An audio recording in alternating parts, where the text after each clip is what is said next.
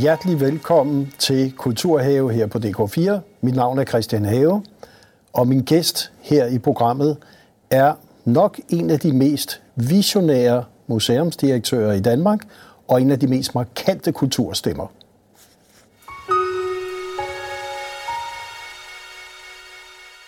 Velkommen, museumsdirektør for Enigma, Jane Sandberg. Tak skal du have.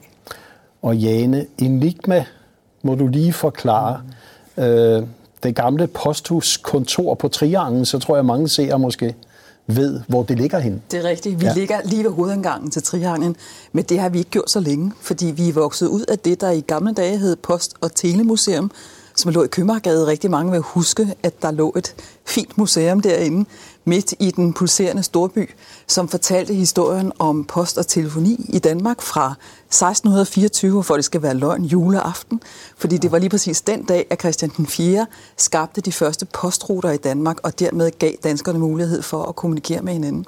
Så vi har fortalt i masser af år kommunikationens historie i Danmark ud fra den adresse. Men for fire år siden flyttede vi, og har så, som du helt rigtigt siger, indtaget det gamle postkontor på Trihangen og er i gang med nu at bygge museet færdigt og glæder os rigtig meget til at byde indenfor til et helt færdigbygget museum med nye udstillinger i marts næste år. Så marts næste år. Øh, men det er jo et meget anderledes museum end sådan traditionelt. Altså, for det første, så er der jo noget masser af historie. Altså, jeg tror, at Danmarks største frimærkesamling er der. Og, altså, der er også noget slægtshistorie. Altså, jeg ved ikke, hvad man ikke kan egentlig gå på jagt efter. Men sådan udstillinger og altså nettet og det digitale, kunne du ikke prøve lige at jo. sætte nogle ord på det? Vi er jo gået fra at være museum for post og telefoni til at blive museum for kommunikation. Og mange vil jo sige, at kommunikation er det noget, man kan putte på museum. Kommunikation, det er jo det, du og jeg sidder og gør nu. Og hvordan får man lavet det til en udstilling? Og det vi har valgt at sige er, at vi øh, tager udgangspunkt i vores egen tid. Og i de problemstillinger, som hænger sammen med kommunikation, som vedrører os alle sammen, hvad enten vi er så nogen, der definerer sig selv som nogen, der går på museum, eller i virkeligheden bare nogen, der er i verden. Og øh, vi er interesseret i overvågning. Vi snakker rigtig meget om, hvad det gør ved et samfund i dag, når vi bliver overvåget så meget, som vi gør. Vi er interesseret i digital dannelse. Jeg tror ikke, der er nogen børnefamilier, der ikke kender diskussionen derhjemme om, hvor meget man må være på skærm og at de samme regler, der gælder for mor og far, som for børnene. Og endelig så er vi optaget af, hvad der sker med et samfund, når den fjerde statsmagt, altså pressen, medierne, ikke længere nødvendigvis har den øh, autoritet, som medierne har haft hidtil. Blandt andet fordi vi jo bliver oversvømmet af det, vi kalder fake news, altså det, vi ikke rigtig ved, om er sandt eller falsk. Så i det felt bevæger vi os, og så har vi jo den gave, at vi har en kæmpe stor samling. Vi har næsten 100.000 genstande, og som du meget rigtigt siger, alle mulige forskellige slags. Vi har gamle telefoner, drejeskivetelefoner, som vores børn ikke aner, hvad er. Vi har telegrafer, vi har postbiler, vi har togvogne, øh, men vi har også en hel masse, som handler om øh, overvågning. Vi har censurerede breve fra 2. verdenskrig, vi har masser af papirarkivalier, som kan danne grobund og øh, fortælling for øh, os øh, som ligger i verden i dag, og giver os et perspektiv på, hvorfor det er, at vi skal være opmærksom på, hvad kommunikation gør ved os i en verden, hvor vi jo siden internettet flød ind og blev allemands eje, omkring 1997 var det år, det begyndte sådan for alvor at boome, så har vi jo taget den her teknologi til os, fordi den gør verden nemmere på mange måder. Vi har fået øh, elimineret fuldstændig det, du og jeg kan huske, nemlig tidsforskel. Hvis man skulle lave noget med nogen, der sad i Amerika, så skulle man op om natten og blev vækket af en fax.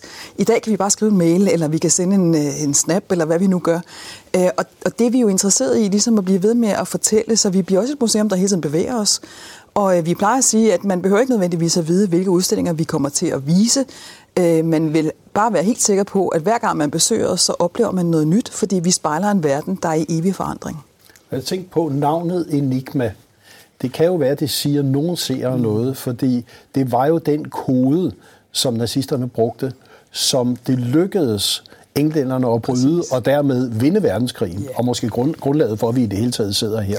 I dag vurderer man faktisk, at uh, Alan Turing, som var den matematiker, der stod i spidsen for det her kodebryderprojekt, som uh, blev styret over på Bletchley Park lidt uden for London under 2. verdenskrig, da han lykkedes med at bryde Enigma-koden, så øh, forkortede man faktisk også varigheden af 2. verdenskrig med næsten to år, fordi at det var muligt at gå ind og følge med i tyskernes kommunikation, især i forhold til, hvad der foregik på Atlanterhavet, og dermed kunne englænderne jo have det, man kunne kalde en hjemmebanefordel.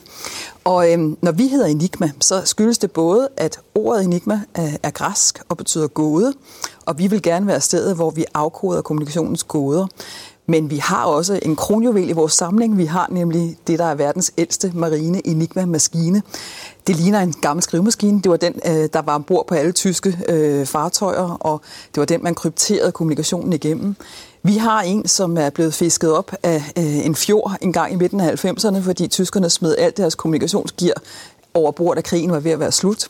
Men da en fisker fik den i nettet, har afleveret den til os, og for nogle år siden fik vi den røntgenfotograferet for at finde et serienummer. Og vi havde en lille formodning om, at vi nok havde noget, der var særligt, øh, men vi sendte så de her røntgenbilleder afsted blandt andet til CIA i USA, og fik bekræftet, at det serienummer, som man så fandt, da man fotograferede den, dokumenterede, at det faktisk er verdens ældste. Det er jo smukt. Jeg tænkte på, øh, kommunikation er også dialog. Og du har også været ude klart og i tale hvor vigtig dialogen er. Og så har du sammen med Øslem Sekit lavet et projekt omkring, skal vi sige, hvor vigtig dialog og kommunikation er, og forståelse, nemlig brobyggerne. Jeg synes, vi skal se en lille præsentation af det projekt her. Det er med stigende bekymring, at vi de seneste par år har fulgt med i den offentlige debat. Ikke fordi den er hård og kontant. Det må den da gerne være. Grænserne for, hvad man kan sige og gøre, flytter sig hele tiden. Problemet er ikke en åben og direkte debat, der tydeliggør holdninger og forskelle. Nej, det der bekymrer os, det er mistilliden. Dyrkelsen af fjendebilleder. Ekokammer og en vigende vilje til at lytte til hinanden. Et velfungerende demokrati afhænger i vid udstrækning af, hvordan vi håndterer vores forskelle og uenigheder. Danmark er jo et samfund, hvor tillid til vores institutioner, for eksempel til politi og domstole, altid har været meget høj.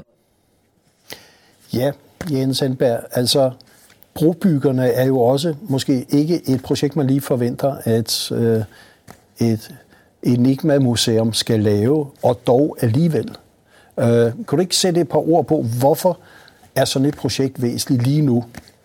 Da vi gik i gang med at omdanne museet og skabe et nyt museum på en ny adresse, gik vi i gang med også at pille i vores inderste maskinrum for ligesom at sige, hvordan laver vi et museum, der også er bæredygtigt og interessant om 20, 30, 40 år.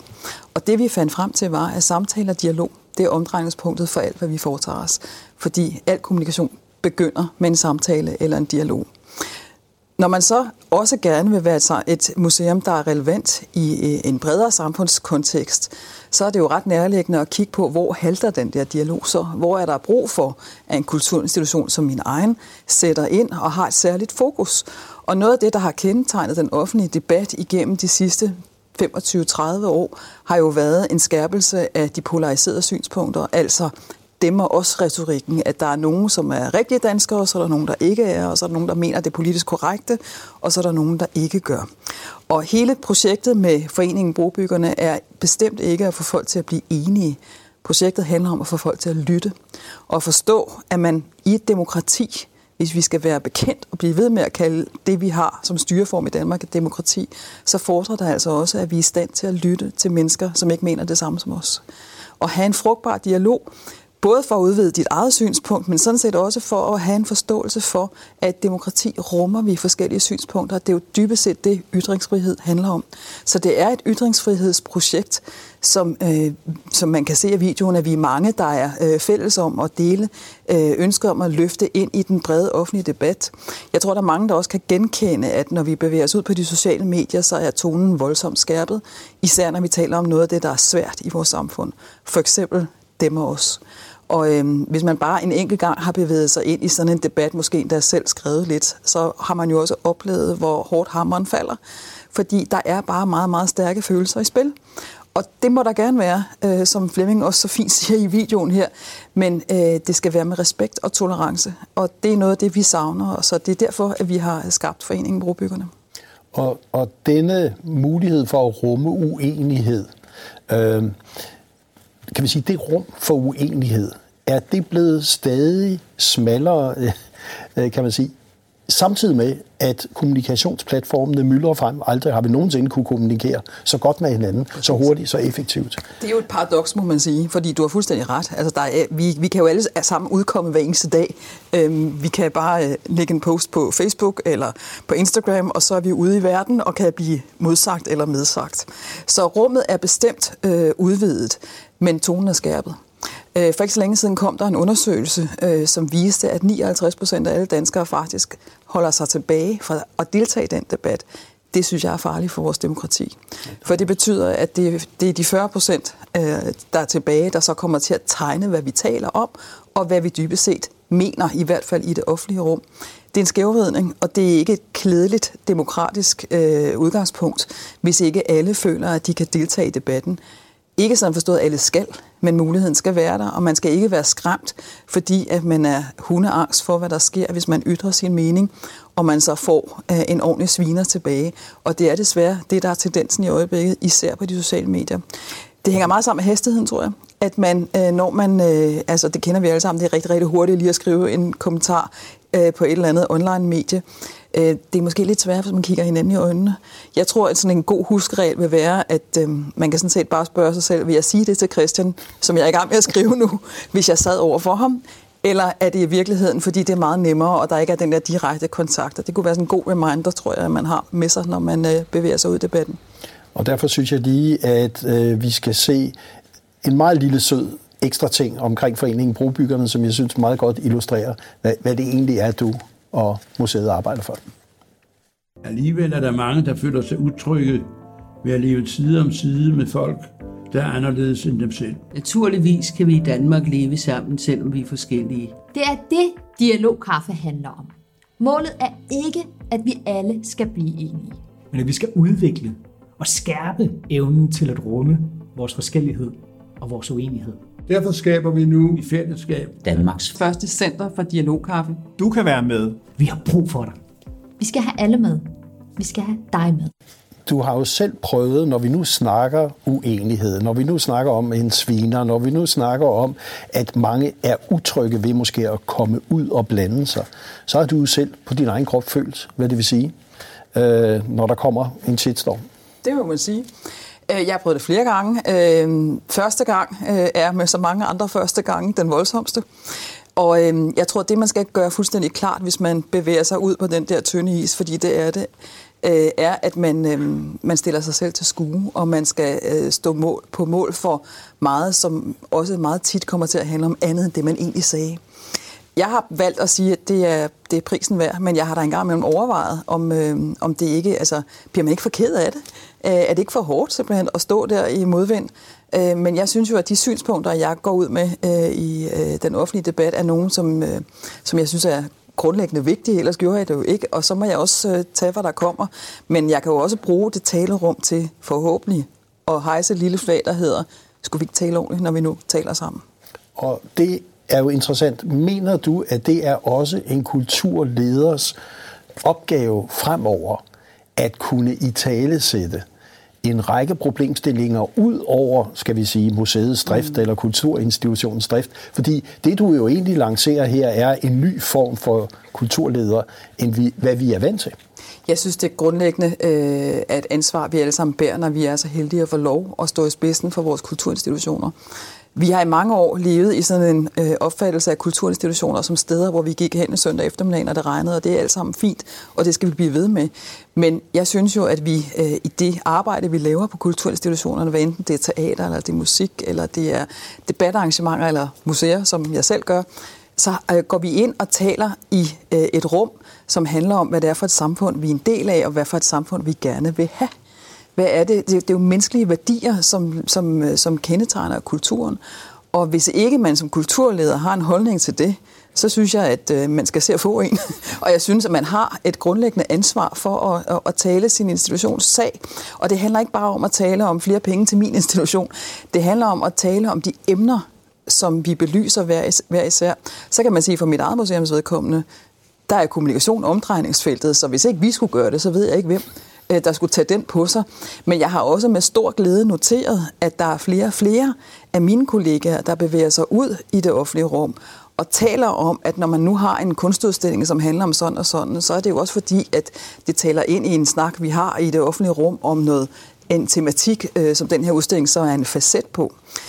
Og jeg tror også grundlæggende, at det handler om at, at, at, ligesom skabe en, øh, en platform og en forståelse, ikke bare hos politikere, der bevilger penge, men også hos vores brugere, og måske især potentielle brugere, altså dem, der ikke kommer endnu, om at kulturinstitutioner kan så meget mere end bare at være flødeskum på lavkagen. Vi kan være bunden i lavkagen, og vi kan måske, hvis vi er rigtig ydmyge og dygtige til at være det, også være inkluderende og inviterende, og dermed få lov til at samarbejde med vores brugere på helt nye måder.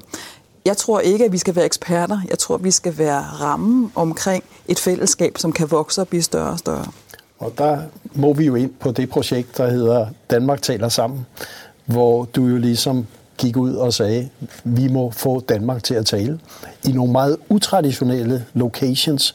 Jeg synes, inden du fortæller lidt, så synes jeg lige, vi skal se en lille video på, hvad det egentlig var for et projekt. Øh, jamen i aften, der skal vores spisende gæster før i alt øh, tale om de drømme, de har for Kolding Midtby.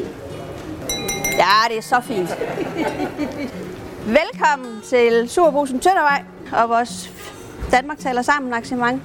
Ja, altså, hvis vi øh, ser på det, at vi laver sådan et arrangement i Brugsens åbningstid, så er det simpelthen øh, den bedste reklame øh, for, at Brusen som øh, forening også vil gøre noget for vores midtby.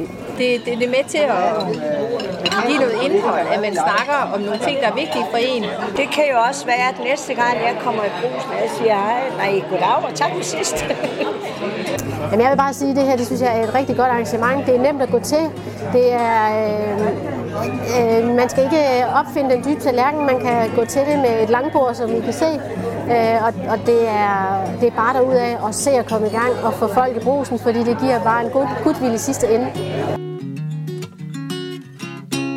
Ja, et spændende partnerskab mellem Coop og Enigma. Øh, midt i åbningstiden, så bliver der legnet op til samtale om middag, mm. øh, og så skulle der tales. Ja. Øh, hvad var egentlig visionerne bagved, og hvad kom der egentlig ud af det? Visionen var, øh, når man er museum i Danmark, så har man en landsdækkende forpligtelse. Det vil sige, at det virkeområde, man arbejder for, skal man sørge for at gøre tilgængeligt for hele landet. Det er rigtig svært, når man har en fast adresse, fordi at selvom man kan leve i drømmen om, at hele Danmark kommer til en, så er det en drøm. Ja. Så vi bliver nødt til som museum også at flytte os ud i resten af landet. Og øhm, det her har vi selvfølgelig arbejdet rigtig meget med på Enigma for at sige, hvordan kan vi løfte den opgave? Og det, der blev klart for os, var, at det kan vi kun, hvis vi gør det sammen med andre. Når man er museum for kommunikation, så kan man ikke gøre noget alene. Så alt, hvad vi gør, gør vi sammen med andre. Og derfor fandt vi Coop, som jo er øh, en landsdækkende dagligvarekæde, som ovenikøbet er ejet øh, på andelsbasis af 1,8 millioner danskere. Det er landets største forening. Og øh, spurgte dem, om de kunne have lyst til at lægge rum til øh, debatter i hele landet. Og sidste år har vi gennemført over 100 Danmark taler sammen arrangementer i 100 øh, dagligvarerbutikker i hele landet, fra, som I kunne se på filmen, fra Kalumborg til Vestjylland, til Nordjylland og øh, til byerne. Og alle steder har vi talt om noget, som er særligt relevant for lige præcis det område. Og den måde, vi taler sammen på, øh, og det der Enigma kommer i spil, det gør vi via en øh, samtale-menu. Vi har simpelthen lavet sådan en slags øh, øh, samtale-starter eller hjælper, som ligger ved kuverterne, når man sætter sig ned ved, ved siden af køledisken, øh, hvor der er nogle spørgsmål, som man kan bruge, fordi vi ved alle sammen godt, det kan godt være svært at tale med nogen, man ikke kender i forvejen. Så vi har, vi har givet sådan nogle små hjælpespørgsmål, som øh, tager udgangspunkt i problematikker, som er lokalt relevante. Og øhm, det har jo bare vist sig, at det er der bare rigtig mange, der synes er super hyggeligt. For det første, når du spørger til resultaterne, så har det givet et øh, sammenhold i de der områder, hvor, som en af de søde deltagere siger, øh, nu hilser jeg på nogen, der er kommet ned i brosen. Jeg var selv med til et arrangement, hvor der var en, der rejste op og sagde, jeg er ny i den her by. Øh, jeg er 60 år. Jeg synes ikke helt, jeg har ramt ældresagens øh, segment endnu. Men jeg vil faktisk gerne lære nogle mennesker at kende, at nogen, der kunne tænke sig at komme til portvinsaften hjemme hos mig. Det var der 14, der sagde ja tak til den aften. Det var i maj måned sidste år. De kører stadig. Og sådan noget er jo fuldstændig fantastisk at opleve. Og så kan man sige, at det er et museumsansvar. Jeg synes, det er så meget et museumsansvar, fordi lige præcis der går vi jo som Enigma ind og forløser lysten til at tale sammen, men måske får vi også bygget bro mellem nogle mennesker, som aldrig ville have truffet hinanden, som er politisk uenige, som har forskellige religiøse baggrunde, som øh, er generationsmæssigt forskellige, som måske også kulturelt ligger forskellige steder. Men fordi at vi laver sådan et arrangement sammen med Coop, så er det lige pludselig muligt. Og så har du også skrevet en bog, som for så vidt er en direkte fortsættelse også af de projekter, både Brobyggerne og Danmark taler sammen, Come Together, øh, som udkom sidste år. Ja. Øh, kan du ikke lige sige lidt, du har været ude og prøve at lave en form for mindmapping af fællesskaber rundt omkring i Danmark? Jeg har kigget på, øh, på flere end 200 fællesskaber i hele Danmark, og det har jeg, fordi jeg var optaget af, hvad der sker i et samfund, hvor det, vi kalder velfærdsydelser, måske er sådan lidt til debat. Når du og jeg engang skal følges på plejehjemmet, kan vi så regne med, at vi får mad hver dag, fordi der er nogen, der er ansat som lønnes af vores skattekroner til at gøre det, eller skal vi håbe på, at nogle gode frivillige kommer og fodrer os? Jeg hører til dem, der synes, at det er en velfærdsopgave, men jeg kan se nogle steder, hvor der er nogle skred, hvor velfærdsopgaverne, som i hvert fald er dem, du og jeg er vokset op med, nu bliver overtaget mere og mere frivillige hænder. Jeg elsker frivillighed. Jeg synes, det er fantastisk, når folk har lyst. Og i Danmark er vi jo et europamester i frivillighed. Så der er kæmpe engagement. Men jeg synes, det er en vigtig snak at have. Så derfor har jeg kigget på en hel masse forskellige slags fællesskaber, fra løbeklubber til fællesspisninger til øh, meget sådan rørende øh, medmenneskelige øh, øh, aktiviteter. Øh, for dels at sige, kan man tale om nogle tendenser? Kan man pille et eller andet ud og sige, det der kendetegner særligt vores tid? Og der må man bare sige, ja, det kan man godt. vi spiser sammen. Der er rigtig mange langbordsmiddage. Vi laver rigtig meget øh, urban gardening, altså øh, haveprojekter rundt omkring i byer og på land. Øh, men vi er også blevet meget, meget dygtigere til at understøtte for eksempel fysisk velvære ved at gøre det i fællesskab. Så vi har fundet ud af, at hvis vi skal ud og røre os, så er det bedre at være forpligtet med en aftale. Så det, det er ligesom en tendens. En anden tendens er, at vi kan se, at vi måske ikke har samme lyst til at engagere os i foreninger og dermed tage det lange seje træk vælge en kasser, gå til en generalforsamling, skrive et referat, men vi er vældig optaget af enkeltsager den bedste øh, enkeltsagsmobilisering, som fandt sted i 2019, øh, var vel, da de unge gik på gaden og klimamobiliserede sig. Der gik øh, altså tusind, tusindvis af unge mennesker rundt, ikke bare i Danmark, men i hele verden. Tror du, de har lavet en forening? Nej, det havde de ikke. De havde hejst et flag for en sag, som de synes var den vigtige lige nu og her. Men det, der er udfordringen for Forenings- og Frivilligheds Danmark, er, at næste lørdag har de en anden sag. Næste lørdag samler de skrald i den lokale park, eller hvad de nu måtte have lyst til. Og det betyder, at noget af den erfaring, som ligger i det der lange foreningstræk, vi har haft i Danmark, det øh, skal vi passe på at værne om og finde nye måder at, øh, at få til at udvikle sig på, fordi tendenserne peger altså i den retning. Du, jeg sagde før, du er en markant stemme. Der er ikke så mange af dem. Der kommer flere, som du sagde, og det er godt. Er du nervøs for kultur og kunstens fremtid? Er du nervøs for fællesskabet, foreningen? Er du nervøs for det demokrati, som vi har bygget op her? Ja, det er grundlæggende. Jeg er nervøs for øh, nogle af de skred, som jeg tror, vi alle sammen kender. Skred, som finder sted over lang tid, og som vi først opdager, når det er for sent. Øhm, sådan er det tit med udvikling, at det, vi synes var normalt på et tidspunkt, det ændrer sig langsomt, og lige pludselig står vi et nyt sted og tænker, gud, hvad skete der? Hvordan var det lige, vi sagde farvel til det, vi egentlig var glade for at værne om? Det er jo ikke sådan, at jeg tænker, at skræmmebilledet er, at Danmark ikke bliver et demokrati på den lange bane. Det tror jeg, vi er alt for glade for den demokratiske styreform til at lade ske. Men jeg synes, jeg kan se nogle steder, hvor at, øh, at demokratiet vrider sig lidt i en spændetrøje og har brug for, øh, for opmærksomhed. Og det samme gælder uh, især for kulturen. Kulturen er jeg bange for. jeg er bange for, om kulturen overhovedet får en plads i den politiske bevidsthed.